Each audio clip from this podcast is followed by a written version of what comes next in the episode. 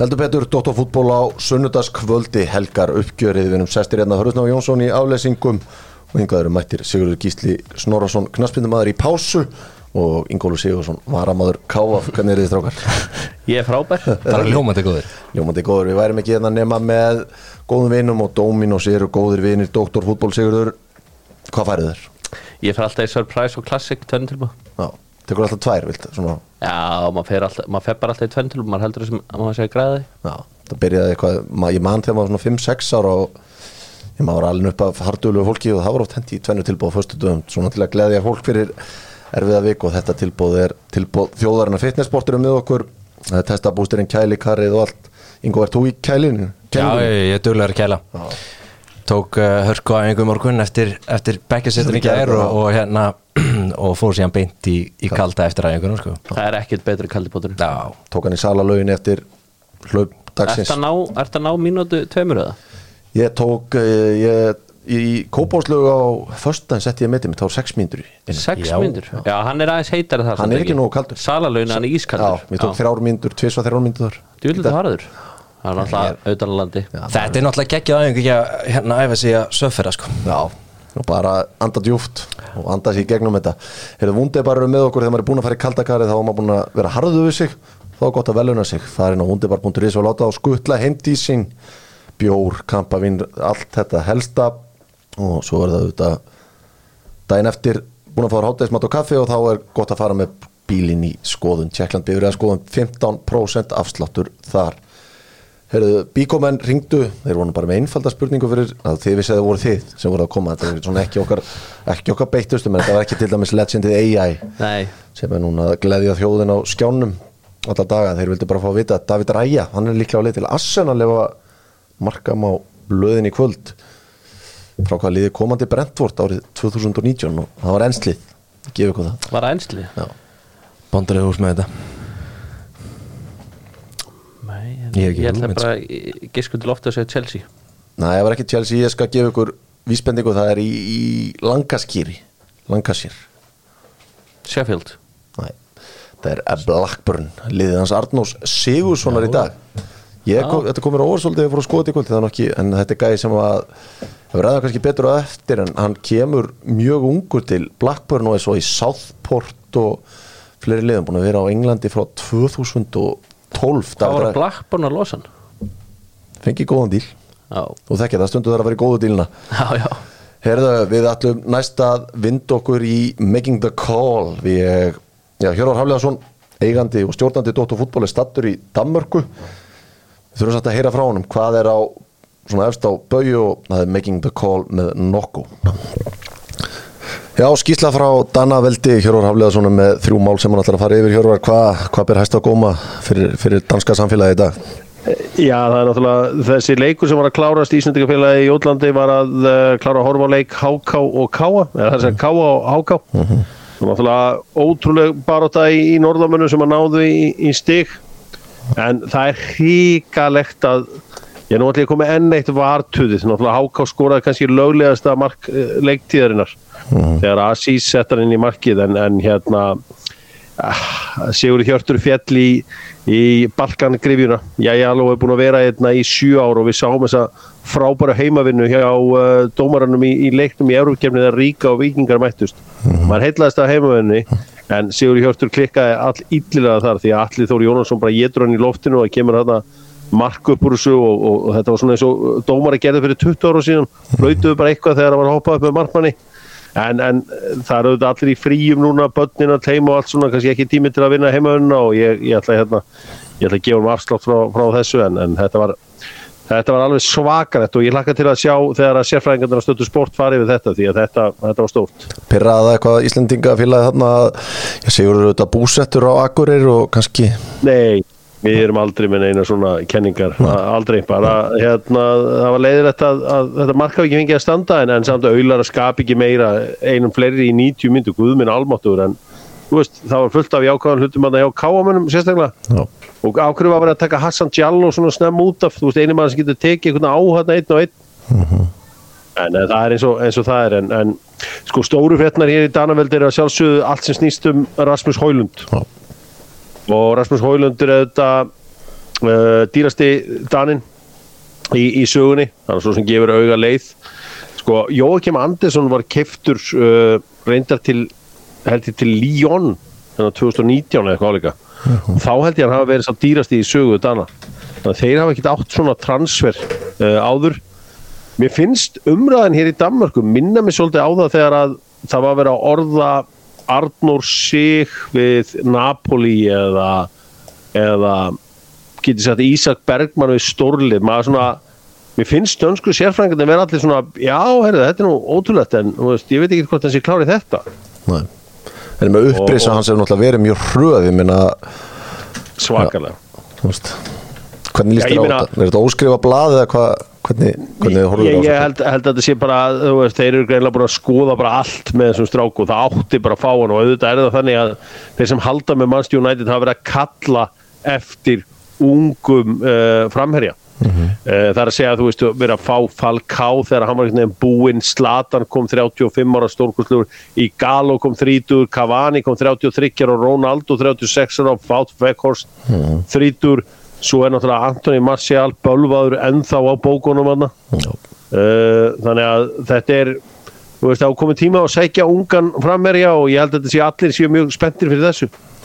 Danirnir hafa þið trú að hann geti geti tekið þetta skref Jú, mann finnst bara að all umræða að vera þannig að það er allir bara svona byrja, ok, er þetta í alveg að gerast? Við heldum þetta væri bara einhverju svona fréttir sem að væri einhvern veginn í, í sko slúðurinu á 433.is bara svona, en, en einhvern veginn þú veist, væri bara einhver slúðurpökkum. Svo bara fór þetta að rúlla af stað í, í þar síðasta mánuði. Nú, þetta, þetta er leikmann sem komst ekki í landslýsópin hjá dönum í hérna síðasta nóvumber í Katari á svona hörmungar heimsmeistarkefni eh, Dana. Já, er það, er það ekki svolítið svona er það ekki vond við tölum um heimavinu þar að Rasmus Hólund hafi ekki pikkað hann með því að sóknarleikurinn þeirra var ekki var ekki burður Nei, en þú ert auðvitað ungur strákur og hörður og þú mannst náttúrulega ekki eftir HM-liðinu hjá dönum 86 og EM-liðinu 88 Nei, en HM-lið 86 þar var engin Petter Smekkel nei, og Tróels Rasmussen byrjaði fyrsta leikinn á EM 88 og þá var bara Danir eru kannski ekki bestir í sko talent valuation, þeir skilja ekki alveg hvernig talent, sko, talent virkar. Þannig að ég, ég hérna, ég ætla að treysta Erik Ten Hag og hans magnaða teimi fyrir þessu heldur betur, heyrðu þú ert ekki bara er þú ert ekki bara á gólvellinum þú ert búin að fara á völlin á Ég er búin að, herri, ég er búin að fara heldur betur á völlin Ég verði hins vegar að fá ekki henda í einu eitt í viðbútt Ok. Mér finnst þetta spennandi sem að gerist með David Ræja þetta mögulega Já, Ég finnst það bara einhvern veginn þú veist, Þetta kemur einhvern veginn svo þrjum ár heiskýrlofti Allt teimið hans hérna Rúnars Alexir á Íslandi öll hans blokk segir að Rúnar Alex verði þriðji kostur Arsenal í vetur ok, hann fari full on í Scott Carson hlutverki á Arsenal. Ok. Uh, þetta þýðir það bara að þessi törnir hlýtu þá að vera að fara að taka þetta Nottingham Forest gig. Já, og það breyti og ef stöðunni fyrir að fara að að fara að taka David Raya. Já, og það breyti ávæntalega stöðunni fyrir Dean Henderson. Þetta er einhver markvarða kapall að fara í gang. Er, betur og er var kaupin að sjá ræja er, er, þú veist, það er gæði sem er ekki mættu til að sitja á bekknum. Eru minna, Aron Amstel fítn á síðast tímabili en hann gaf aðeins eftir. Er, eru þau kannski bara að hugsa um að henda honum út? Já, ég meina, Inaki Kanja elskar David Já. sem er markmannstjálfur Arsenal. En ég, nei, ég meina fótboltin er grimmur og það er það sem maður elskar mest við fótboltin, nei, ég trúi því ekki að þið séu að hugsa hann sem nýjan nummer eitt. En, en auðvitað, David Raya er náttúrulega spænsku landsmálmaður og auðvitað er hann ekki mættur hann til þess að sitja á bekknum, en það var alveg rétt hjá ég fór á völlin hjá Lingby á föstudaginn og gaman að fá sjá leikið þeirra á móti Víborg. Alfred Fimboðsson var bara geggjaður í leiknum. Sko Lingby er samt svona lið sem frústrerar mann. Þeir áttu að vera sjönu lifir í fyriráleik bara vandamáli er að það voru aðri leikmennir Fimboðsson sem voru að fá færin. Fimboðsson fekk eitt færi og hann bara chipaði markmann og, og 1-0 leggur svo, En, reyna markið eh, þetta var hann síning bara. Þetta var algjör sín í kjána þetta var líka gaman að mæta þetta á völlin og sjá þetta. Um, sko það er, það er sendir í, í hérna uh, Víborg sem heitir Anosike Emanta. Hefur þið síðan Nei, ekki síðan hann. Er svona 2 og 5 Já, ok. Eða meira svona eins og 2.35 og þeir nýttu það ekki neitt sko. Já, ok, það er dansku strákur. þetta var magna Já, strákur fættu 2002 þú veist, bara þetta er en, en það sem er líka best við hennar gæja sko er að hann sko lagði upp marki og kloppaði einn og gerði allt svo lis en ég held að hann hafi ekki ennþá skorað deildamarki í Danmarku Já, ok. Það er áhvert, hvernig voru hinn í Íslendingandi, Kolbjörn Birgir og, og Sævar Alli? bara, bara fínir, þú veist. Það vantar svolítið þetta fína í sævar. Þannig svona, þú veist, aggressífur og þú veist allt þetta, vantar eitthvað svona smá smá mýkt í þetta Kol, Kolbjörn var flottur, þetta, þeir eru allir allir flottir, Alfred var langbestur að þeim og hérna Freysi stýrði sem svo kongur á liðlinn en, ríkalega svekkjandi, þetta er svona þú, þú þekkir svona lið sem get ekki klára hlutina. Brighton. Brighton fyrir tveimur árum.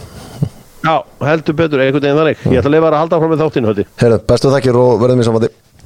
Já, heldur betur Hjörvar Hafljóðsson, við ræðum betur bæði David Ræja, KHK og þá eftir en gott að fá álit mannsins sem að já, bara læri fæði fótboltans á Íslandi, maður sem allt veit, heyrðu, við ætlum að vinda okkur í í stórumálin með Einari Á, það er hérna. Stórumálin með Einari Á, Wonder Vibes. Þetta, svolítið engjent umræðina undarfarnar vikur hér á Íslandi. Ja, félagaskipta bann F-fáinga það er frá þeir eru búin að borga það sem þeir skulduðu í skatta og gjöld hér á landi og lífeyrissjóðu og allt það. Ég meina fyrir stórt félag eins og FH Ingo að losa sig við þetta lítur að vera svona þungu fargjaðum létt. Já, þetta eru góða fréttir og sérstaklega bara fyrir hérna, mennina sem voru klárir til þess að skipta yfir. Já. og það er hérna, þetta náttúrulega best upp á það að gera að geta hérna nælt, nælt sér í þá Gablarinn geðu í Sigurður eh, því þetta er náttúrulega ekki bóðlegt fyrir stórveldið FH að vera í einhverju svona Nei, banni en við alvöru gablarandi vissum að þetta er aldrei lengi þetta bann og þessi kongar sem stjórnandi myndi alltaf græða þetta. Og þeir voru með þess að reyna að græða þetta þó sem þeir voru í banni og voru að reyna að fá leikmenn sko. Já, jú, en það er þetta unnu heimavinna þeir voru að leysa þetta mál og listu þetta félagskiptabann og eru svo þá bara klárir með þrjá leikmenn. Arnó Borguð Jónsson hann kvatti leikmann á Vikings í gæri mættur í krigan. Viðar Ari og svo voru það káarengarnir í kvöld að staðfesta það Greta Snærvari mættur í FH menna þetta er viðbót, Já. þetta er styrking. Já, þetta er bara klálega ég held að þetta séu allt menn sem sem hérna munu styrkja liðið mikið. Þannig að hérna bara mjög jákvæmt fyrir þá. Það er frábært fyrir að fá Gretar aftur og hann er náttúrulega uppalinn að fá yngur þannig að það er frábært að fá hann heim. Þetta er Úlfur Ágúst að fara þannig þeim sárvantaði að fá mann þar inn að hjálpa kjartani Henry. Já. en ég minna Arnór Borg frá heimkomu við sáum einhverja nokkra leiki með fylki þar sem hann svona sprakk út og sá mann, mann nú ekki á móti hverju markið hann svar en það skoraði geggja markaðna fyrir fylki sem hann mjög vel eftir þann hefur þetta en hann þarf að fara að sína það. Já, ég held að þurfi, ég held að þurfi líka bara meira að fá að vera kongurinn eins og hann var í fylki þegar hann síndi allar þessar góður rispur. Þannig að ég held að hann fá alveg að sína það í F og Já, síðan náttúrulega, meðum ekki gleyma því að hann náttúrulega meiðist hann og er úti heil lengi þú veist, eitt, tvö ár nánast. Já. mikið að ströggli í meðslum og hann, fyrsta árið hans í Vikingi fyrra var ekkert með bara eila örfá mínútur eða, eða náðu því. Ég held alveg öruglega hann hafi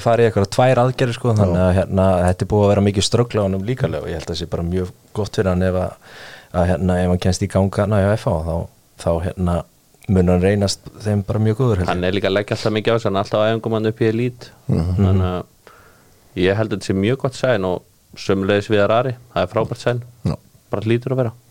Já, þetta ætti að vera styrkingur þetta er FH búið að missa Úlf eins og ég nefndi og svo var það ekki hann Jóhann Ægir Arnarsson. Hans- hann er hann meittist alvarlega. Þannig svona ef þú horfir á þetta þá er þetta bara einn í pluss í hópin þeir þurftu að styrkja Já. sig þetta voru bara bæði, báði gæði sem voru að spila stórt hlutverk uppaðin sem tala var um í þessu máli það var mikið rætt um einhverjar 24 miljónir eftir því sem ég kemst næst þá voru þetta einhverjar 11 miljónir það er vist bara klart það er ekki Jú. Þú rífið þess að þetta getur á göttunni úr að reyka fótboltafélag á Íslandi. Það er einhver með alvöru alvöru tjekk eftir komið og borga þetta bara. Já, já, það er búið að það er eitt sem er svona liggur undir grunn að borga þetta Já, maður hefur heyrt það og auðvitað kannski fara spjótin beint að beinast að tengda pappa Gretasna sem er auðvitað eitt ríkasti maður hafnafjörðar. Já, Nótt til þar, kóngurinn. Páls, já, seldi fann nú einhverja frétti hann seldi eitthvað fyrirtæki á þrjá miljardar fyrir tveimur árum, hann að 11 miljónir er svona dagsvextir á því. Já, já, já, en hann hefur lánað að fá þetta, ef ég þekka rétt Já, hann er ekki gefið þetta. Jú, jú, en bara gert pappirina Já. Þurfa ekki að borga tilbaka Hann á þetta á það Nei, hafringar eiga fullt af ríkum mönnum en uh, ég menna, Siggi, F-fangur þurfa að fara að rífa sig í gang þetta er búið að slagt eftir svona fína byrjun og gott gengið, þá er þetta búið að hægjast á þessu. já, mjög lélegt og ég held að með tilkomið þessara gæja sérstaklega ég held að Greta Snæri eftir að smellpassa beintin Mhm. þannig að ég, ég hef mikla trú að þessu núna að þetta verður bara mjög fróðilegt að sjá framhaldið. Já. F-fáingar eiga leik á morgun í Keflæk verður áður slagur skoðum hann aðeins betur á þeir eru allir löglegir í þeim leik Nei, ég held nú ekki Arnór kannski? Nei, við sjáum það í fyrramáli hvernig leikamildinar dett inn sko þegar það var mögulega að skila einhverjum félagskita blöðum inn til KS í dag. En, já, Þeir hljóta að græja alltaf fyrir en þá, býður þetta blað þegar að fólki á KS í mætir í vinnu í fyrramálið og þá, þá ættur að vera löglegir einhverju aðeim allavega. Já, Hvernig hvernig það er með viðar sem er að koma erlendis frá hvort það getur tekið einhvern, einhvern meiri tíma Heyrðu, já, FH er lausur á félagskiptabanni og það er létt það það, það létti fyrir þá þar. Ætlum og er að fara ætlum að fara að hinga það þekki allir þetta stef. Ætlum að fara í powerrankið með dineout.is það er að fara að borða, bóka borð prófa þetta á fyrstaðskvöldið og það sövín virkar vissi ekkert hvað þetta að gera. Hálf sjö var komið borðaðna kljóðan sjö á flottum stað í miðbænum. Heyrðu, við ætlum að velja fimm bestu kaupin í ennska boltanum so far, Siggi. Það er nóg eftir að glugganum en það eru já, það eru 12 dagar í að premjið lík fara stað. Já þannig að það er svo stutt í það. Já, brannan föstudag. Já, þá sest maður fyrir fram á sjónvarpi 19.00 Manchester City Burnley. Búm þannig að þetta er að byrja en hvað eru fimm bestu kaupin við byrjum á fimmta sætinu? Það eru númer 5, þá setjum við Dominic Soboslai. Já. Ingo þú útbúlar eða ekki? Jú, Spenntu fyrir honum Já, mjög Ég hérna, maður náttúrulega er eiginlega ekki búin að fyrirgjóða hann það sem gerði okkur Íslendingum ennum Nei. árið En svona, ég held að hérna, hann bara, hann er geggjaði spilari sko Þannig að ég er bara mjög spenntu fyrir honum. Hann hefði jafnvel verið ofar, ég var að horfa á leikið í morgun við Lester hann var búin næstu Hann búin að skoða, skora eitt world í þannig Já, en það gerist ekkert mikið meira hjá hann ekki, Nei, En hann skora bara styrlu mörg sko. já, hann skora að- klíkumörk á þetta verður klálega leikmaður sem mun gera helling fyrir þetta leifubölu en spurning hvort það klopp fyrir eitthvað smá tíma svona Já. til að koma honum í þetta elite level fjórðasæti Andrei og Nana og sem United maður spenntu fyrir honum. Já, ég meina munun og honum átti ekki er bara styrlaður og bara loksur um mann sem getur spilað á boltanum. Þú ert bara með 11 og ég útileikmenn. fyrir ekki já, já, það er bara, Það er bara hann. þannig að ég held að þetta er bara frábært sen vonandi bætir hann útlöpin sín aðeins með við fyrsta leikin Það var á móti Jude Bellingham. Já, sem var 15 metrum fyrir innan. Fyrir þriðasæti Julian Timber. Júriðan Timber í Arsenal. Ég held að það sé í, sko, það það er bara verið að segja er, það er frábær leikmann, hann hefur alveg. Já, átti, ég heldur svona sé ekki að pulla neitt. Síðasta tímabilið hans með Ajax var það slakast að hjá honum illa hann var vantilega komin bara á einhver enda. Hann var náttúrulega komin eiginlega bara í Master United fyrir það þannig að hann var ábyggla bara alveg farin í Friðrik. Louis van Gaal blokkaði það. Já. hann fær ekkert á HM líklega ef hann var að fara til United. Þannig að Takk Já, Van Gaal hefni sín, þetta er einhver Já. þannig að hann vildi ekki Hann gleymir gleymir engu. Heyrðu annarsætið þá Það er Nicholas Jackson til Chelsea. Já, svona, það er ekki margir Það eru margir að sofa á honum heldur Hann er sko, þetta er styrlaða leikmann og hann er búin að sína bara strax á prísísunnu byrjar alla leiki. Já, hann, hann er klárlega öflugur. Já, hann er klárlega að hugsa nummer eitt þetta Þannig að ég held að Chelsea hafi að gera fárulega góð kaup þar. En að honum á mútrygg í gang þá verða þeir í topp málum held ég. Ok, og þá var það bara fyrsta sæti. Það er Rasmus Litli Hólund Það er svoleiðis, Já, maður sem skoraði nýju mörg í Já, svona góður, hann er veist, þetta er bara miklu betur útgáðan af Vátt Vekost Vátt Vekost átt að skora svona 15-20 mörki premjöliki fyrir allavega. Og hann spila ekki alla myndur Hólund áttur að spila alla myndur hann tekur færið sér miklu betur, hann er miklu betur. Hann er geggjar að dribla en Hann er alltaf- snöggur. hann er að fara að skora 20-25 Það er svoleiðis, gæði sem skoraði nýju mörg í Serie A er að fara að skora 25 Já, hann var í með lúkmann og eitthvað að trúða þarna með sér. Hann verður með miklu betri, betri menn með sér núna þannig að hann er að fara að raðinn. Hann verður allan með fína þjónustu er hann er þú að svona fara raðinn. trú á Rasmus Hólund? Ég veit ekki, ég bjóst ekki alveg við þessu en ég veit að, að hérna, bondarinn hann fylgist með og hérna breytir hann margir þannig Ég hef að horta á marga leiki með honum. Ég, Já, það, ég hann- hann er sko. drullu góður þessi Okay. ég treysti því og hérna, ég meina þeir eru líka eru heldur betur að borga fyrir hann sko. Þannig að, að, hérna, en ég saknaði að sjá markalistar á listanum minn maður. Makalist er með svo mánt Þú veist. Já, ég hef haft með svo mánt að það mögulega inni. Já, en hann hefur farið hægt á stað. Hann hefur svo sem gert það. Já, það já, er eitthvað í honum. Það hefði ekki verið hægt að setja annan þennan lista. Svo er auðvitað En Makalist er á teimann og líka Svo sem að Kristal Palas voru að fá Mateo Fernandes frá Já. Fluminense. En þú hefur ekki trú á hérna, Frankasi á uh, ræsarun Jú, just, hann kosti eitthvað 105 Já, hann er hann á ekki heima á þessu lista bara aldrei. Hann bara gerir krafa á að gera eitthvað hann kostaði það mikið. Já, já, já. Sigur gefur engan afslátt frekar en fyrri daginn. Villum eins og að núna að fara í bestu deildina. Besta deildin með kjarnan það er bara svo að sé á hreinu þá mun ég, ég mun ringi Albert Brynjar Ringásson áður en ég droppa þættinum og læta hann vita af þessum lista sigur þannig að hann fari ekki í svona, hann getur oft móðgast. Já, já, já, hann má alveg gera það. Hann er náttúrulega bara að koma með einhverja lélugustu power rank lista söguna, sko. Og er oft tryggarast við þá. Já, Þannig að hann á einninni vita- hann er, hann er viðkvæmt blóm. Það er ætla að hugsa vel um drengið minn. Já, já, Heyrðu íslenski bolti með kjarnafæði. Grillaði lambalæri frá þeim í kvöld og það virkar helviti gott. Heyrðu, það er nú ekki tætt að byrja þennan íslenska boltan einum öðrum staðin í víkinni efstalið deildarinnar.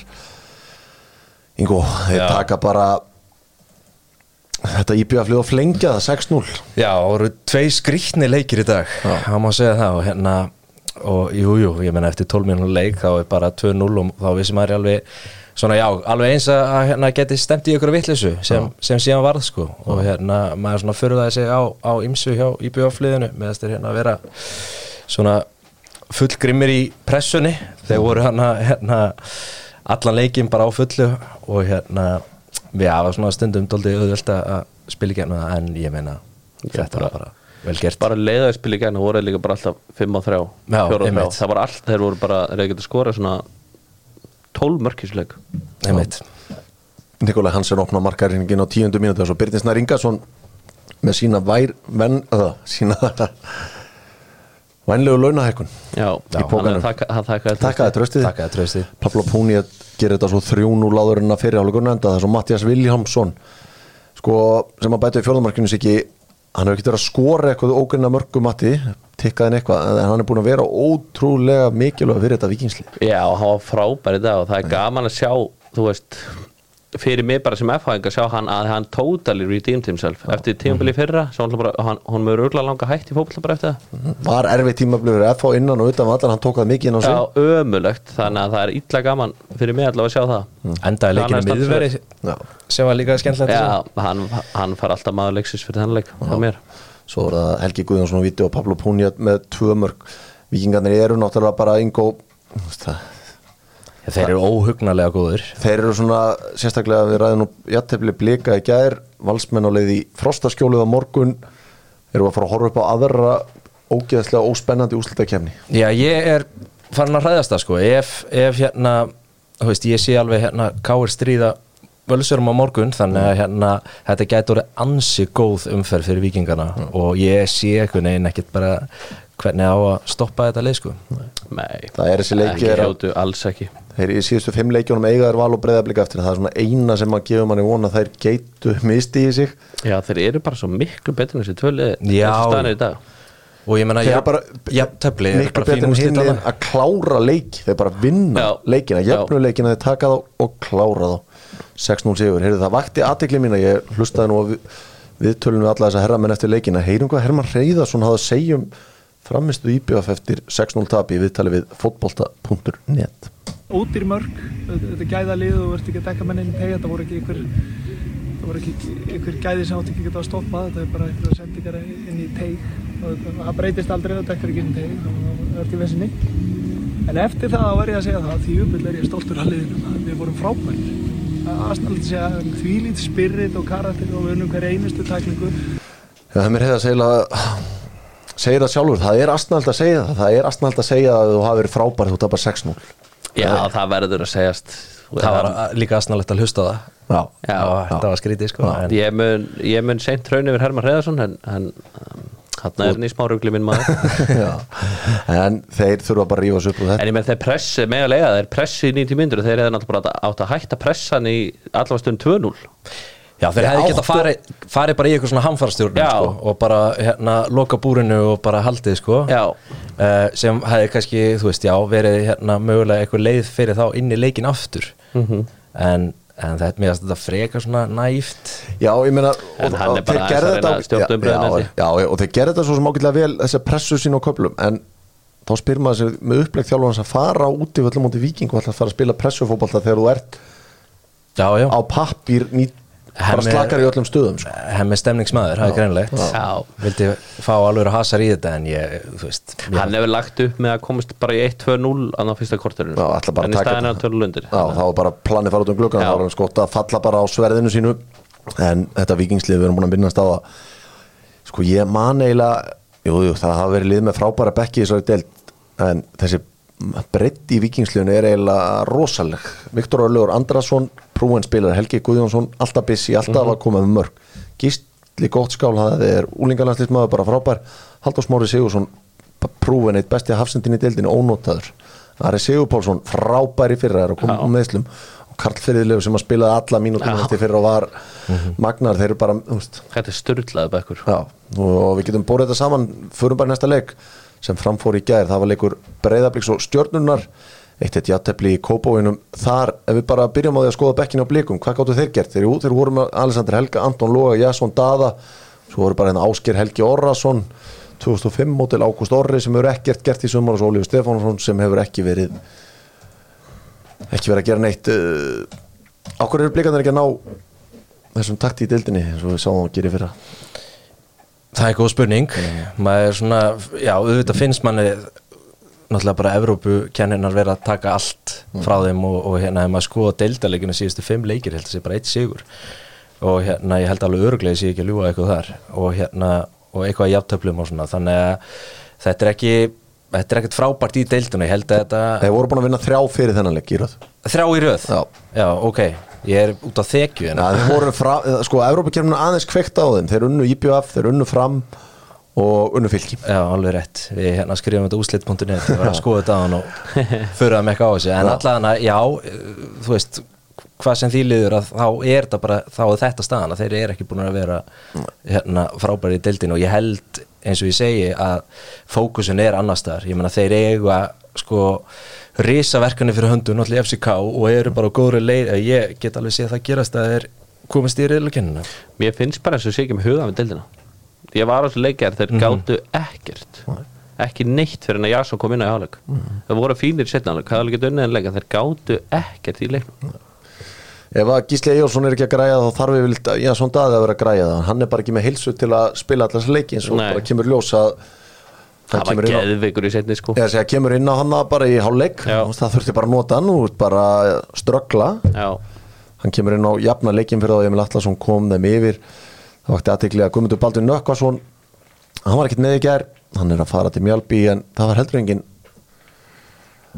Eggertsson, ekkert þar hann Eggert Aron? Nei, var hann ekki eitthvað bara meittur eða? Jú, en það er alltaf að heyrast meira og meira hann ég sé jafnvel bara fara út í atvinnum Já, líka. Já, Já, en það átti þetta frábært auðvitað 19 mót komið frábær heim Já það hljóttur að fullta liðum að reyna að Já, fara á. þannig að stjarnan getur verið að missa nokkra en blikarnir voru ekki að tapa mót nennu slukulið, þetta er bara eitt heitastali deildarna þessa dagana, stjarnan. Já, tapa, já, tapa og- stegum, eitt og- eitt. Já, já, þetta var engin, ekkert harmleik steg á blikunum en ég þeir- stjarnan eru komni með skemmtileg eðna, Robert Frosti geðveikur í ger þeir næra aldrei á hann boltanum Henrik Máni, Kjartan Már, Kjartansson þetta er, Kjartan Þetta er Már, alltaf busy líka, hann er skemmtilegur. Já. þetta er ekki gaman að sjá þetta? Þú erum svona rótt tala fyrir því að ungi menn sé að spila Jú, meira. þetta er bara geggjað. Já. ég meina þetta er bara það sem íslensku fótbolta á snúast um. Og Emil Atla þegar þeir þurftu að vera duglega að taka hlaupin inn fyrir þegar hann var að vinna þessi skallabólta Mhm. þegar hann vann eiginlega allt. Já. þetta er bara mjög skemmtilegt að sjá. Finnst líka mjög gaman að sjá hann í öfum bakverðum Já, það var- var, það var eiginlega ótrúlegt. Það var stemning Þóran Ingi Valdimansson fekk að byrja hjá stjörnunni gerð, það gerist nú ekki oft. Gott ef þetta er ekki bara fyrst í byrjunarleikurnum í sumarinni hann var það gýraður að hann tók aukarspilnan 45 metrónum. Já, Já, það var laglegt fyrir, fyrir, má ég giska, fyrir guldspjald á nýjöndu myndu var það fyrir töðu Nei, það var bara fyrir það vikus kemur vel peppaður inn. Já, já, hann kom vel þetta, hann var flottur. Stjörnumenn fá þrjú gul, þeir voru bara mætti til að aðeins að sparki þessa blika Mér fannst stjartan heilt yfir betri í þessu leik. Fá þrjú gul á fyrstu átján mínúton Já, mér finnst líka lokamyndunar í leiknum voru alveg mjög steiktar þá hérna vörðust blikana svo, það voru svo fáið tilbaka verjast, Já. voru allir bara frammi og síðan hérna var þetta bara svona eins og handbóltaleikur í lókinu það var eins og hérna, bæði lið var að detta út úr byggar já, einmitt, einmitt, þetta var eins og byggaleikur sko. En blíkandi fengu sko klæmynd fær döða, döða, fær á 1950 já, heldur betur, klára þetta ekki þá Blikarnir eru núna tíu stegum eftir vikingum og það er búið að ræða það núna nokkra vikur eftir að Stefán Ingi Sigurðarsson var seldu til Belgju eru blikarnir ekki að kaupa leikmenn? Okkur er ekki góðin sendir? Eins og ég skil þetta þá var sett upp í þetta tímabil með eitthvað ákveði budget. Það budget kláraðist mjög snemma en það voru blikarnir bara mjög aktífir fyrstu vikurnar eftir á mótinu lögu fyrra. En þegar svona þessu þessar tölur sem var búið að tekna á blaða að liða þetta kosta þetta árið þegar það var búið að fylla upp í það það voru teknirinn Ágúst Linsson og Ólífur Stefánsson ofan á það. Þannig að þeir voru konið með voru farnir yfir það sem þeir ætlaðu að gera. Og það geti haft eitthvað með það að gera að núna er bara ekki verið að rífa upp veskið til þess að Já, ég meina inn leikmenn. Blikarnir hefði ekkit eðlilega gott að hafa tekið hennan Edmundsen sem fór í káa Já. hann leit, ekkit, hann leit mjög vel út þess að 55 minnur á hann Já, og var flottur í Evrópuleiknum líka. Já, Já. þannig að ég, þeir hljóta að vera pyrraðir yfir því. Já. En já, svo bara þeir náttúrulega tóku ekkert ef maður bara fyrir við listan sem kom í fyrir tímabilið, þeir náttúrulega tóku inn endalusta leikmannum Já, og enginn af þeim hefur gert neitt. Getur við sagt, er, þú veist uh, Alex Freyr Elísson gerði ekkert Eithor Völur var farin á mótið byrjaði Ágúst Þorsteinsson var keftu frá Malmö ekkert gert. Ólíður Stefánsson með pakk upp á, já þeir segja, miljón á mánuði. Miklu meira það ekkert geta. Ekkert ekkert geta, ekkert geta, hann er ekkert fengið að spila eiginlega. Nei, það er ekki að kenna honum um Ágúst Eðvald og Arnór Sveit spila slatta en hafa þeir bætt einhverju við? Nei, ekki miklu. Nei, og svo er það auðvitað hrikaleg óefni með Patrik Jóhansen sem ég er með vissum að eins og í svona leik og bara í, sumar hann væri búin að tekna einhverju stigum fyrir þá. Hefur verið rúur þó hann hafi oft klúrað döðafærum og svo hefur Alexander Helgi átt fína leiki. En það hefur ekkert verið meira, það þetta er einhver níu, tíu nöfn. Já en engin, Enginn Já, þetta kom eitthvað alveg impact. Já, engin Enginn impact. þannig að það er spurning hvort að þeir sé eitthvað horfið það. Það hafi ekki gengið að styrkja þetta neitt nægilega vel. En förum í næsta leik, það var annar leikur í dag. Hjörvar svo sem kom aðeins inn á hann og fóri yfir hann áðan. Káa Háká 1-1 Hákáðinga mætti norður og strax á þriðju mínútu er Dusan Birkovits búin að láta henda sér af velli. Já, það var bara eitthvað. Þetta var skrítið. Já, Mjög skrítið og já, ég held að þetta hafi bara verið háréttu dómur sko. Það er ekki Sigur Hjörtur Þetta var Þráttasson harrið dómur. rífur bara bröðaspjaldið var einhvern vandræðum hann allir hafn Andrason nær boltan Dusan tekur hann bara niður þegar hann sleppi gegn.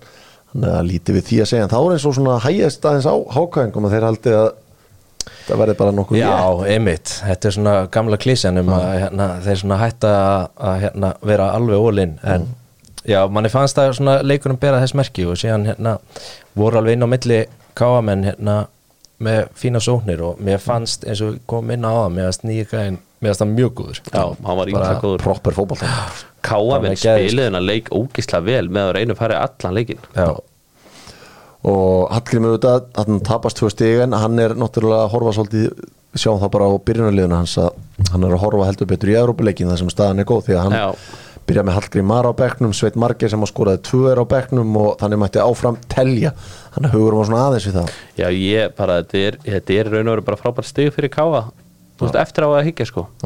Ég held að bæði liði sætti sig við Já, já, Hákamenn HK fyrir leikin alveg klálega sko. Alltaf, en þú veist, þú ert einum fleiri 90 minnur þá Já. er bara að vinna leikin Já, það er, já, já, Já, það var bara að gera það. Það er bara þannig. Þessi lið sitt í 7. og 8. sæti Káa með 21 stig Háká með 20 stig Háká núna komið 6 stigum frá fallsætinu og ég veit það, þeir eru að reyna að styrkja sig glugginn nefnilega, margir að svona pæli glugganum ég þann loki sko í annari til kalla og fyrstu til hvenna 31. ágúst sem Já. er á morgun 31. júli Já, meina ég. já. Já, En- fyrsta en- ágúst sem sagt Já, Út daginn á morgun Út morgundaginn, en ok. í efstu deild ef ég- er 15. 15. ágúst Já, þannig að þetta er annar gluggi fyrir lengjudeldina og efstdeldina þannig að svona margir verið að pæli þessu eitthvað. Ok. okay. sem að, leikmenn, nei, stuðnismenn sem halda með einhverjum annar deldina halda þetta sé að loka allstaðar á morgunum. Við erum með eitthvað tvískipt kerfa og svona núna, þekki svo sem ekki alveg deila því.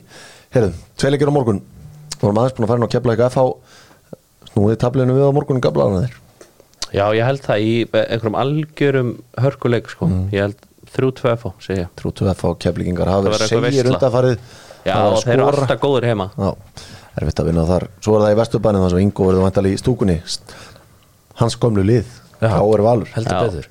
Mikilvæg leikum fyrir bæðilið Mjög. Já, ég meina, þú veist, ef við viljum ef við höldum í vonunum að fá eitthvað, einhverja spennu í þetta mót, þá verður Valur að vinna. Já. þannig að hérna, þetta verður hörkuleikur og káar samanskapið náttúrulega í byllandi uh, Evrópu hérna, baráttu. Þannig að ég er, ég er hættu við jafntefliðana káringarnir geta til, líklegt. fara upp í Já. fjórðasæti með sigri eða jættefli á morgun. Ótrúlegt með mínus 5 í markatölu að hífa sig kannski upp í fjórðasætið Ég held að valsæðin takk hennan það ekki leik, Já, ok. Káringar, Ingo, sko spilamennskar á móti Víking var bara mjög góð. Já, algjörlega. Batamerki á þessu? Já, ég er klálega, ég meina hérna, þetta er, þetta er skára en, en þetta var í upphæði móts, við getum alltaf að nóða það þannig en já, bara virkilega velgert maður eitthvað neins sá ekki að, að hérna, þetta myndi svona ræta svona vel úr þessu. Bara þegar hérna uh, þegar liðið var að tapa hvað, fimm leikjum í röðu eitthvað svona. En núna er bara konur á fína stað og, og ég held að þetta hafi verið svona pínu frávik þessa fyrstu umferðir. Já, perjódan sem var kannski erfiðust fyrir og þeir eru inn í henni núna. Það var uh, þessi viki, uh, vikingur þeir eiga svo val á morgun og svo breyðablik held ég næst. Það er, þessi, Já, það er, þetta er alveg, alveg prógram test sko. þannig að það er áhvert að sjá það. Uh, Heyri Gablarinn eitthvað um Gilvað Þór Sigursson ég spurði valsmenn í dag, hann hefur ekkert mætt á æfingar þar í marga vikur. Nei, það er bara það er voða erfitt. og Það er voða erfitt að finna eitthvað út sko, en það er náttúrulega draumurinn hjá öllum göflurum að hann komi heim í krigan heldur betur. Já, við þurfum að fara að fá hann á, á fætur en spurning bara hvernig þessi meðsli eru. Hann náttúrulega átt hann ekki að meðst hana í eftir tvær aðingar eitthvað hjá val og, og síðan hefur maður ekkert heyrt á hann þessi Lingby saga fer ekkert og eitthvað við vonum að við fyrir að sjá bara Gilvað Þór Sigursson reyma á sig Mér finnst það heldur líklegt sko, Lingby bara svona horfa blind á þetta. En, Já, mér finnst það líka að þess að vita nokkuð að En auðvitað auðvitað á hann að koma bara heim í FH Já, já. það þarf að borga sigur Já, þeir greiða það. Greiða það alltaf. Herðu, förum í lengjudöldina Siggi, þú post á meðan ég satt í sófanum og horfði á YouTube og þá varst þú mættur í stekarplattan Já, já, í lengjudöldinni afturhelding í að toppslagurinn sjálfur. Ja, mósveldingar þeir fjall á prófun já þeir gera það. Þeir voru sko Stóð svo tölfræðin og allt sko þá eru afturhaldi gerum að herra XG og, og allt það sko 20 skotum á 12 en mér fannst ég að bara spila þetta fullkomlega leik þeir bara counteru á, lág bara tilbaka counteru og gera það ógeðslega vel og kláruðu bara síðan færi. Gameplani á þeim gekk bara 100% upp heldur betur, þetta er auðvitað fyrsta tap afturheldingar í sumaring og sko við myndumst nú á það örglegin á föstudaginn held ég. Þetta er ekki félag með mikla sugu í fótbolta. Þetta er að fara eitthvað ríkt í þeim núna? Nei, nei. Bara það góðir? Já, ég held, þú veist, þeir eru í það góðum málum og eru með gróta heim á miðgudaginn Já, þeir já. baka þá bara þetta, veru, þetta er ekkert er ekkert vesen? nei, nei, það er bara fínt að fá smá skell tapa 5-2 og þú veist sem taka, geta eh, taka gróttunum 4-1 já, já, ég held að að, hérna, þeir muni bara svara þessu. Þeir geta núna hægt að pæli hvort þeir verið tablusir í sumar eða eitthvað svona. Já. Það er bara ákveðin kannski léttir að fyrsta tapið sér komi og síðan er bara áfram, áfram gakk og ég held að þetta muni ekki hafa neinn áhrif, áhrif á það. Nei, nei, nei, ég hef engar ágjur á þessu. Heldur betur ekki það er frábæð sigur á skaganum. Já, Já, sigur. meina, Jón Þór var Viktor Jóns með ferðin þetta er bara þessi gæði náttúrulega verið ansi óöppin í gegnum árin með skrokkin á sér, hann hefur ekki hjálpað hann mikið auðvitað maður hefur séð þetta talent í hún lengi en hann aldrei tekist að bomba þetta. Nei. Já, síðan þegar hann er svona á deginu sínu þá er hann alltaf bara geggjaður. Já, heldur betur. Sko, Gísli Lagstall líka frábær. Já, hann fer í val eftir tímabili sko að þessi íalið byrjaði hörmulega. Jón Þór var bara örugglega tæpur að missa jobbið sitt en hann er búin að snúa sig við þeir eru núna áttastegum og eftir afturöldingun og eiga leik til góðan en við gætum að það er ekki að gera neitt ótrúlega mikið svo við fáum einhverja smá spenn allavega niður nei, alls ekki.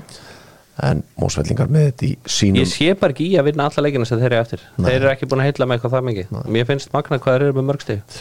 Eiga leikni heima á miðgudaginn uh, sjáum hvernig það fer. En mósvellingar búin að tapa í sumar. Þá er bara eitt lið eftir sem er tablust í dildakeppni á Íslandi held ég. Já, það er mækarinn. Það er mækarinn, já. KFA Kóngurinn. Já, með náttúrulega dýrasta liðið að við skulum halda því til haga. Heyrðu, Vestri gróta 3-0 Sigur, þeir eru bara fannir að syngja um playoffs baby. Já, þeir eru farin að líta helviti vel út. Já. og eins og dag sem hann sagði var þetta besti leikurinn hans síðan að hann kom. Mhm. þannig að þeir bara líta mjög vel út og það er þetta spurningamarki við gróttu í þessu leik. Þeir gáttu ekkert, Nei, ekki neitt. Ekki Töpið á móti Þór um daginn úti, 3-1. þannig að Það var svona erfi vika fyrir gróttumenn sko. Já, Ferðalag á Akureyri og Ísafjörð rifið mæntilega svolítið í pappastrákan á Já, ekki vanir því að ferð, ferðast economy þeir vilja hafa þetta first class. Það er ekkert í bóðið þú flýgur á Ísafjörð. Þannig að það er eins og það er það var mjög augljóst allavega í mínum huga fyrir þessu umferð að leiknir myndi vinna Þór en það þurfti belt, heldur betur að hafa fyrir því Ómar Só 1950 Já, Já. þetta var, þetta var geggjað og Tósararnir eru, við erum að harka hérna stig í loksins, við erum að komast í ganga út öllum, nei, nei, mætir Ómar Só með nýfin 1905 Já, þetta var þetta var gaman að sjá allan fögnuðin líka hjá leikni og bara geði þetta að sjá eftir þetta eftir að stjórnin tilkynni Vigfúsi að veist, Á hann bara verður að fara ná í úslit annars er Já, sæmilega búin að svara því fyrir utan eitt Já, eru fjóri sigrar í rauði dildinni hjá leiknum og þeir eru bara komin í fjórða sætið. Hafa það náðugt, það eru 60 um eftir fjölni.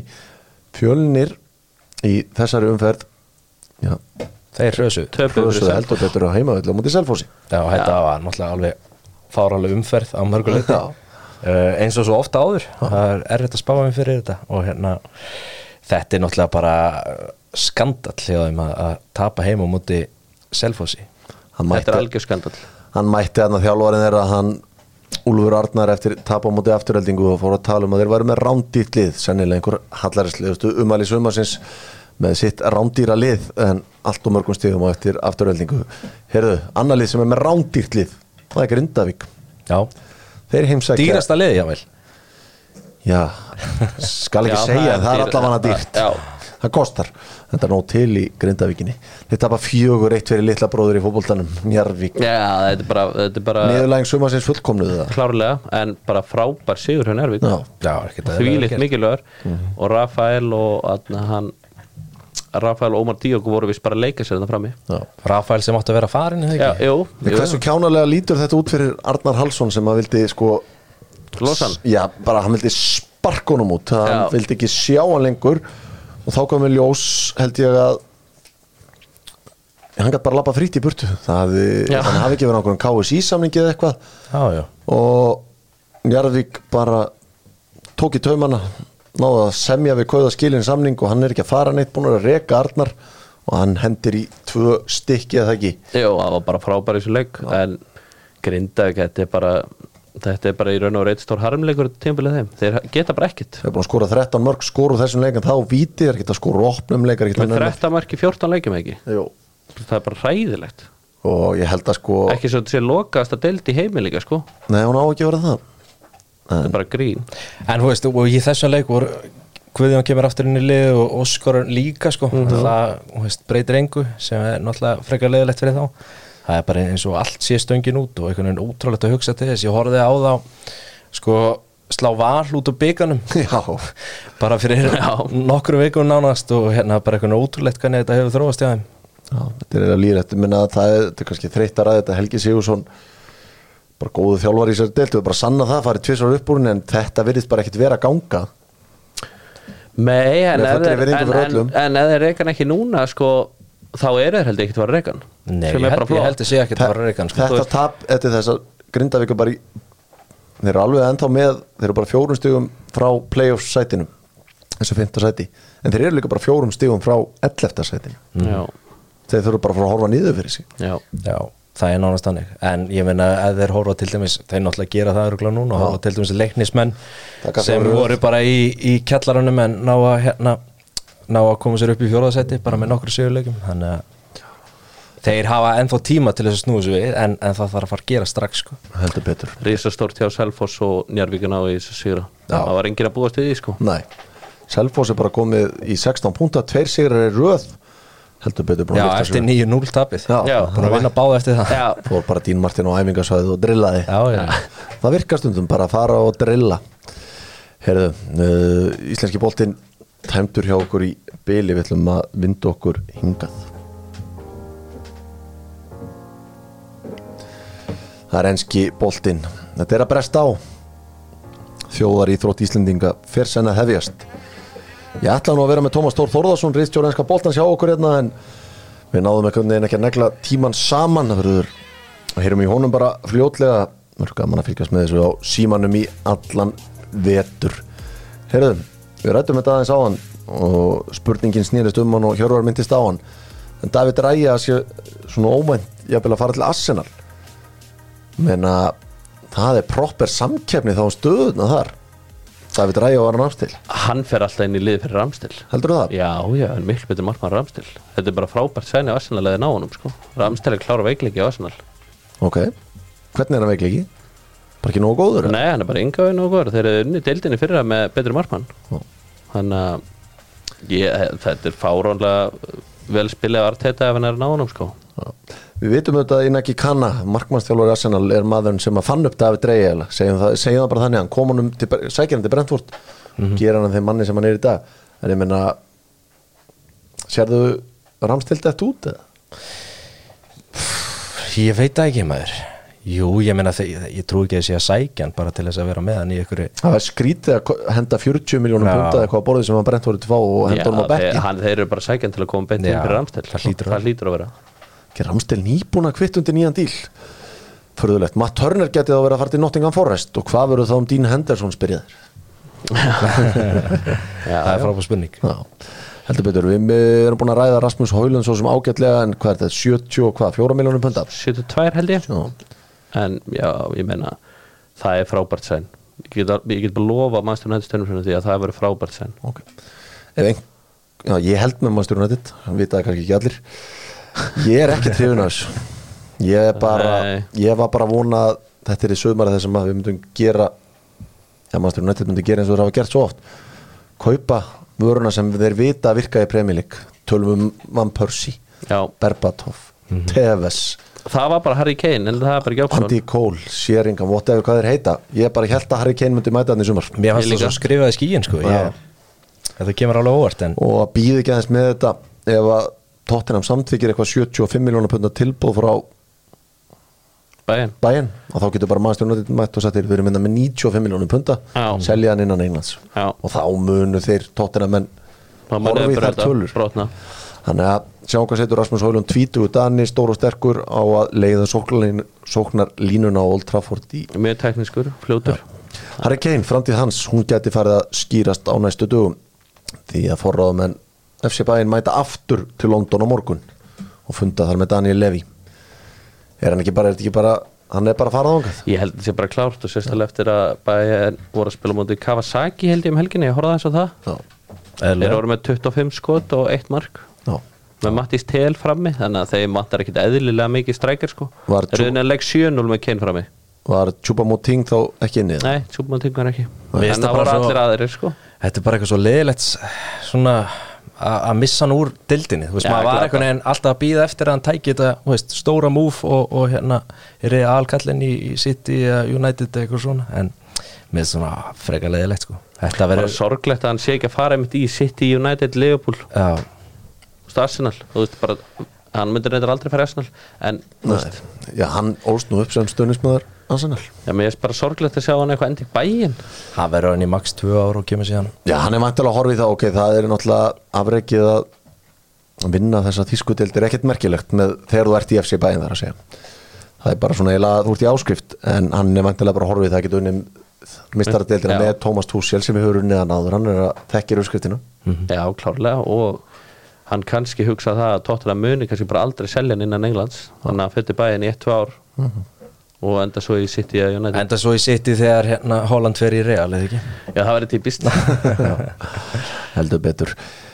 Herðu, meira í þessum fréttum uh, svona við förum bara í það helsta sem að er að kæta fólk í dag, það er Liverpool og Kylian Mbappe Liverpool er að reyna að akta einhvern lánstíl ef að marka má ennsku dublöð en menna er það ekki Það bara er ekki langsótt eða? Erum við ekki bara að segja ennsku blöðin sem þannig að skrifa eitthvað til þess að glæðja fólkið en eitthvað sem að gerist Jú. sennilega aldrei? Jú, það getur einnig menn ef, ef að Leopold fær Kylian Mbappe þá eru þeir bara, ætlir sér ekki bara líklegast að vinna deildina? Það er nú jafn líklegur að sitja bara. Það er ekki sagt sem diss á Liverpool en ég á bara svo erfitt með að sjá Kylian Mbappe fara í lið sem er ekki í mistardildin Það er Já. alltaf að vera að gerast. Það Þetta aldrei ég að fara það að gerast það er það er eina sem að Lík upp er ekki að garga á Kylian Mbappe held ég nei, nei, en svo geta hann hugsa bara því ég fer í Liverpool og gera það mesturum og þá er ég bara einhver algjör kongur Já, en Ég held bara, tekur hann ekki fílun á þetta og fer í hart á móti og hérna 30. ágúst í Real Madrid Já. Jú, ég held það þetta er Það er það séð Real það. Madrid, Real Madrid er líka að stilla þannig upp þeir eru búin að hanna leikjur þannig að Það er. Kyli og Vinni séu frammi saman Já. farið góðan tífur með Hóselu er bara alltaf frammi Jút fyrir aftan Já, Já, ég tala að gera eitthvað fyrir það. Ágætt slið sko. Já, já, þetta sleppur eina af kannski svona sögunum sem var skemmt, ekki skemmtilegt að lesa um helgin að áhugavert að lesa er rakfarir Callum Hudson og Dæ við erum að horfa í það að fyrir fjórum og fjórum árum síðan. Já. vildi FC Bayern buði hann 70 miljónum punta. Og Chelsea sagði bara neynir þetta er okkar næsti kongur sumari 2023 og þá er kauði líklega á leið til fúlam og fjóra miljónum punta eða eitthvað. Já, og Fulham og menn eru að hrista hausinni Já. skilur þannig að en gæti ekki til leifugúsin fallið er rosalegt. Já, þetta er svakalegt. En hann fær endur að vera þá með Viljan sem er kongurinn hann. Já, já, já ég meina úst hvað er hann gamall? Hann hlýtur þess að hann ég var, að- að- hann þarf kannski Er bara ekki fram á- 23 eða fjara eitthvað hann svona? er ekkert gamall sko. Hann verður 23 ári í november og þetta er 2000 Já, þannig að hann á alveg tíma til að starta þessu en þetta lúkar ekkit lúkar ekkit þetta- svakalega vel. Nei, ekki með hvernig þetta leit út sko. Chelsea eru aktífur á markanum þeir eru að kaupa Axel Dísal, Varnamann Mónako 40 miljonum bunda, þeir eru bara akta eftir að fá fanna kallgreið meðist aftur alvarlega. Já. Hann Hva- hvernig líst þér á þetta þessu uppskrift sem að Pochettino var að hendi? Mér leist ekki vel að fyrir svona þreymugum en ég er búin að horfa að sá á undirbúrstömmulinu þeir líta drullu vel út mm. og þessi Jackson frammi, hann er geðugur og virðist þér að komast í smástaðan eftir að hann spilaði hann auðvitað döins þeir líta ákveðlega út sko. Já, ég held að Chelsea vegna að- svona Pochettino sé sko bara frábær maður einhvern veginn til þess að koma róa á alla hlutina og ná að búa til eitthvað eitthvað lið sko er bara líka með sitt einhvern veginn bara gegnum árin veit nákvæmlega hvað aðan ætlar að gera með liðið sitt hvernig fótbolta á að spila, leikplanin liðið er liggur alltaf fyrir 100% Já, vel Helst hann- skipulu lið. Ég held að Chelsea eftir að koma vel á óvart sko Já, allan á nógu potensiál ég er að vestla einhverja unga leikmenn líka marga unga spennandi leikmenn. Jackson og svo er að koma einhver nokkri viðbót þarna. Já. þetta innan að þeir eru alveg að gera eitthvað. Uh, en sko blöðun er farin að í- gefa því undir fótina Mason Greenwoods nú aftur í Master United. Já, já, það er svona búið að ræða um einhverja sponsora sem að eru til í að gefa drengnum annað tækifæri í lífinu en engin ákvörðin tekinn hvar sjáu þið það enda Ég vona bara að hann komist aftur í, í fótballta sko og fara að gera eitthvað. Ég meina þetta Já, er bara já. búið og þetta er bara sorglegt mál og, veist, eru ekki saman núna og með það er bara harmlegur en þau eru saman í dag og þau eru búin að eigna spatt sko þannig að Já, bara halda áfram með lífið. Já, það er bara þannig. Fróðilegt að sjá hvað Það þarf bara að gera Gaui það í gerir. þessum hvernig, ef hann fær að koma aftur hvernig hann kemur tilbaka eftir einhver átján mánuði bara í frosti bara. Frosti það er spurningu það, er- það er svona æfingarleikinir búin að vera að rúla ég held að sé mannstjóri nætti Dortmund í nótt Já, klokkan hálf eitt ef ég mann þetta rétt Leopold lék sér að lester og við myndust nú á hann. Aðan Dominik Sopuslægi er að þetta í gýrin Ingo, ertu, hvað ert að sjá þín að menn gýri við þér? Ég bara, ef topp fjóri þá er það bara fínt. Það er einhvern veginn er verið að byggja upp byggja upp uh, svona dálítið nýtt lið eða þú veist nýja miðju og svona ég held að þetta geta alveg tekið smá tíma sko. Já, ég samála því þeir samt lítið alveg, leita alveg vel út í þessu leik sko. Ég held að það verið dálítið kannski svipaður og, og síðasta tímbil af þýleitin til að þetta verður svona veist, inn á milli þá meðan þau eiga geggjaða leiki. Það segir kannski slátra liðum en síðan svona er þetta ekkit það er ekki mikill stöðuleiki Ég leit vel út hann að dók litli kantarinn Já. þeir eru, og þetta, þessi Lavia dýl svona einhvern veginn færist nær og nær Já, hann, þeir hljóta að loka því fljótlega. Ef þeir loka því þá var það góður eftir og þurfa kannski einni viðbót. Þetta eru þetta rosalega breytingar á miðsvæðinu og einu sumri. Já, og búin að missa náttúrulega kongin og klefanum, Henderson. Hann hérna henda sér hérna regnbúa bandinu og, og fóti sáti. Þannig að hérna, ég held að það veri smá svona já, ég held að geta tekið eitthvað smá tíma. Og tíma að finna taktinn þar. Já. svo þetta með trendana sem vantilega mun bara jafnvel, vera eitthvað á miðjunni allan og framann á móti. Þannig að þetta verður fróðlegt að fylgjast með Liverpool, heyrðum Master City tapaði gegn Atletico Madrid 2-1 þar sem auðvitað Memphis Depay mætti og það var dýra að gerni maður bara hugsa núna þegar að það eru bara 12 dagir í fyrsta leik Englandsmeistararnir, Evrópumeistararnir, byggameistararnir þeir eru búin að missa Ilkay Gundogan og búin að selja Ríad Maris núna um helgina. Það er klappað á klárt, það er bara komin Matteo Kovacic. Já, þeim vantar að einn svona til að kveiki í þessum hól klárlega og þeir eru, þeir munu fá hann örgulega en það er það er spurning vantilega Guardiol Já, en af hverju er það að taka svona langa tíma? ég held að Leipzig séu bara drullu harðir í þessum Já. samlingarum það eina sem að þeir hafa gert undan fyrir nárið að selja leikmenn og eitthvað, þeir eiga nú að pening já, þeir eiga nú á pinningum og þeir þurfa ekkert að losa hann og viljur ekki losa hann Nei, og ef það sitt ég ætlar ekki að borga bara uppsett verða þá bara er hann ekki til sölu Nei. En ég er pínur hrættur, sko, fyrir þeirra hönd auðvitað eru náttúrulega sturglegar og, og allt það, en þú veist að koma einhvern veginn inn, inn í tíðanbili eftir þetta svakalega tíðanbil, ég held að sé alveg, að svona reyni meira á menn mm. skiljið hvað við og líka orðrumur um að volker og svona sé að fara Já, og búin að missa Gundogan sem er náttúrulega bara búin að vera einn besti miðum að deildarinnar. Já, og Marisinn alltaf með sitt en Já. ég, sko ég, ég, ég horfði reyndar líka leik á hann ég var, það var rólegt að gera hjá mér í dag. Þeir gátu ekkert í leik. Þeir eru mjög ólíkir sér Ég Ég, þeir verða ekki svona mútið börnlega í fyrsta leik held ég. Nei, en nei. þú veist það var, þær voru maður sér það að aldrei slaka sko, þú voru slakir í þessu leik. Það er auðvitað búið að halda þeim á tánum síðustu ára unnið alla þessa englandsmeistaratitlin þeir voru alltaf að elta en elta stóru eirun Já, Já, ná þrennunni, ég já. geti trú að það væri smá þinga allan í byrjun tíumbil sko. Það Gæti alveg það séð að gerast. Eitt eitt á móti börnlega í fyrsta leik. Voru líka smá bara sem Yokohama í síðustu viku, á 4-2 eitthvað bara að loka myndunum Já, Þeir verða góður samt höfum engar á Já, Já, já, já, já. ekki, en ég, þeir eru ekkert að fara að hlaupa með þess að deilteldi Það gæti alltaf að fara hægt af stað. Já. Það er svona kannski möguleik af því. Heyrðu, Hvernig myndist ykkur lítast á, lítast á það að halda með Tottenham og JC að skoða að kaupa klubin Það var eitthvað flott. Ekki geðvikt, alveg töffari og sem á nóga seðlum. Já, og örglega með einhverja menn á bakvið sig þannig að það er já, já, já, enn meira til þá. Úsmanna Dembele er að hugsa málið. Það er held ég til miðnættis og morgun klásóla upp á 50 miljónur evra. Já, var ekki en hækkar svo upp í 100 miljónur evra Hækkar upp í 75 eða ekki? 75 eða eitthvað. Sem er ótrúlegt. Og PSG er búið að láta vita við erum til í að aktivita þetta er þú klár? Og hann er bara að hugsa um. Já, Barcelona er reyna að bjóða hann einhvern betri samning en það er líklega til aðeins meiri í PSG núna þegar að það er svona myndi að halda Messi dillin er farin úr bókaldinu og kannski Já. fer Kylian dillin úr bókaldinu þannig að það er svona öðruglega Taka er ekki bara Dembele áður en losa og losa Mbappi. Jú, en mér bara líst ekkert á það, það fyrir PSG að fá Úsmann Dembele og svo gaur leikmaður. típiskasti gaur í heimi til að fara í PSG og geta ekki neitt Já, já. Hann er, búin að, hann er búin að sína okkur að í Barcelona sé frábær en það er ekkert alltaf oft sem hann Já, gerir. inn á milli Já. En hvað stöðu. segir Romano á, á X-inu? Er hann búin að hann er búin að fjalla um þetta eða ekki?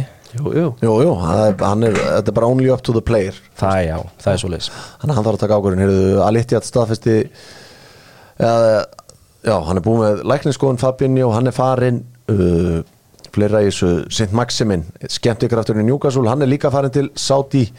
Svo er þetta David Egea hann er með tvö tilbúð frá Saudi en núna þegar David Raya sem var svona efstur og lista á bæinn sem markvörður er að færast nær Arsenal þá er Það er ekki að koma að blað þar? Egea líkluð þangað. Já, það væri, það skemmtilegt múl fyrir DG Já, Já, Hann geti þá redeemed himself. Já, ef hann færið þangað og myndi vinna til dæmis meistaratildin þá myndi ég prenta þá mynd í mjög stórum, setja hann á mjög stóran strig og kannski hengja hann upp hérna í túborgturninu Já, já, já, það er ég átt í næður það ekki, Jú. og fjármagnaða Já, já, Þetta er svona þessar helstu fréttir þessa stundina. Við ætlum að enda þetta á ætlum að fara í neyða já með kemi.is, þetta eru bara fjórar einfaldar spurningar fyrir drengina mína. Og þannig hleypið þeim heim í hlíuna Herðu verður Arsenal önskur meistari? Neyða já? Nei. Nei. rök, takk. Þeir verða bara aldrei meistar Það var enginn að búast við þessum árangur sem þeir náði í fyrra og þeir eru aldrei að fara að endur taka þetta. Þetta er að pressan farið með þá? Já, nei, Nei, ég, það þeir, eru bara, þeir eru bara ekki að fara að vera af góður. Ég hef enga trúið Í kringum eru miklu betri. Þeir Hvað, er þetta að setja á því dildri? Hvað spáðu þú þeim í henni þættinum? Ég spáði þeim en daginn í, í þriðja seti held ég. Hmm. Ég held þeir endur bara í fymta seti sko. Þeir verða í baráttinum annarsætið Baráttunum mannarsætti við Liverpool. Nei, þá. United og Já, Ég, ég Chelsea jafnvel. Ég hef eitthvað lúmskan grunum að Chelsea verði í top 4 Hvað Já, er verða hann með? City og Chelsea? Jú, Arsenal líklega. Verður þetta ekki bara City, United, Chelsea, Newcastle Newcastle, nei, ég held að verði óverið fyrir þá að díla við Evrópakernir með. Herðu næsta spurninga þá, nær Liverpool top 4 Nei, Nei. Nei, Pólarinn hefur ekki trú á sínu mönn fymta sæti. Fynda sæti. Það er reyðarslag fyrir Reynir Elís Já, fjór, fjóruðarsæti verða hátíð sko. Ok, ég held að þetta Liverpooli geti alveg Já, Þú átt Darvin Núnes Ég hef ekki segið já. þeir eiga hann, Lúis Díaz var ekkert með því fyrir Hann er að líta vel út Luis undanfarið, Díaz? Já, Darvin Já. eða Lewis? Darwin. Já, Darvin lítur mjög vel út og ég meina fyrsta tíðanbili hans hjá Benfica og skora hann 6 og leggur upp 9 held ég. Já. og annar tíðanbili skora hann 26 og leggur upp 4 þannig að hann, hann þarf oft einhvern tíma til að koma í gang. Þannig ég, þeir eiga hann algjörlega jú, þeir eru ná fjóraðsöndinu Ok. Leopold nær því, þeir, þeir eru eftir að ná allum þessu í gang og þeir eru með makkalistur hann að þeir, ef þeir fá Lavia sérstaklega, jú Ok. Ok. Darvin Núnes vorum aðeins að ræða manni, ég bara myndi mig á viðtal sem ég las við Jörgen Klopp í kvöld eftir hennan æfingarleik, hann var að kvart undan því að Darvin Núnes var ekki nógu varnamar, hann þyrfti að fara að verjast betur til að eiga fast sæti í sínu byrjunarliðan hann er svona aðeins að kveiki kauða réttir um Já, út Hann bæti það þá. Herðu breyðablikar að fara í setnileikinu á móti FCK í vikunni, líklega er það einmi í búin en það er þá, var það minnstakosti fjóri Európa-leikir eftir, þannig að spurningin er kemst breyðablik fyrst liða, íslenskara liða í riðla keppni, Európa, Nei, ég held ekki. Nás ekki? Þeir eru, mér finnst þeir ekki vera Þeir eru ekki nóg samfærandi bara heima fyrir Sérstaklega til að náði held ég. Ég held þessi ekki nóg mikið sjálfstörst í húnum Ok, Hvað segir En þú? ég vona það. Uh, Já, þeir komast í hérna sambandstildina Mm. Ég held að gera það líka. Já. og ég held að vinni næsta innví í Það Þá verður eru styrkt komnir eða ekki? Jó, þá eru þeir komnir sko, og þá er það bara eitt, Hver eiga er þá, veistu það? er ekki lið frá Bosníu sem þeir mæta Er langar að það sringi í móistarana eða voru ekki, eitthvað tvö? og nú mann ég þetta bara ekki með þetta að Nei. vont útvarpræði fyrir að leita því en ég held Já. að þessi að mæta lið frá Bosníu. Já, þeir eru alveg breykið það. Og svo til við rættu það aðeins á hann fer afturölding upp í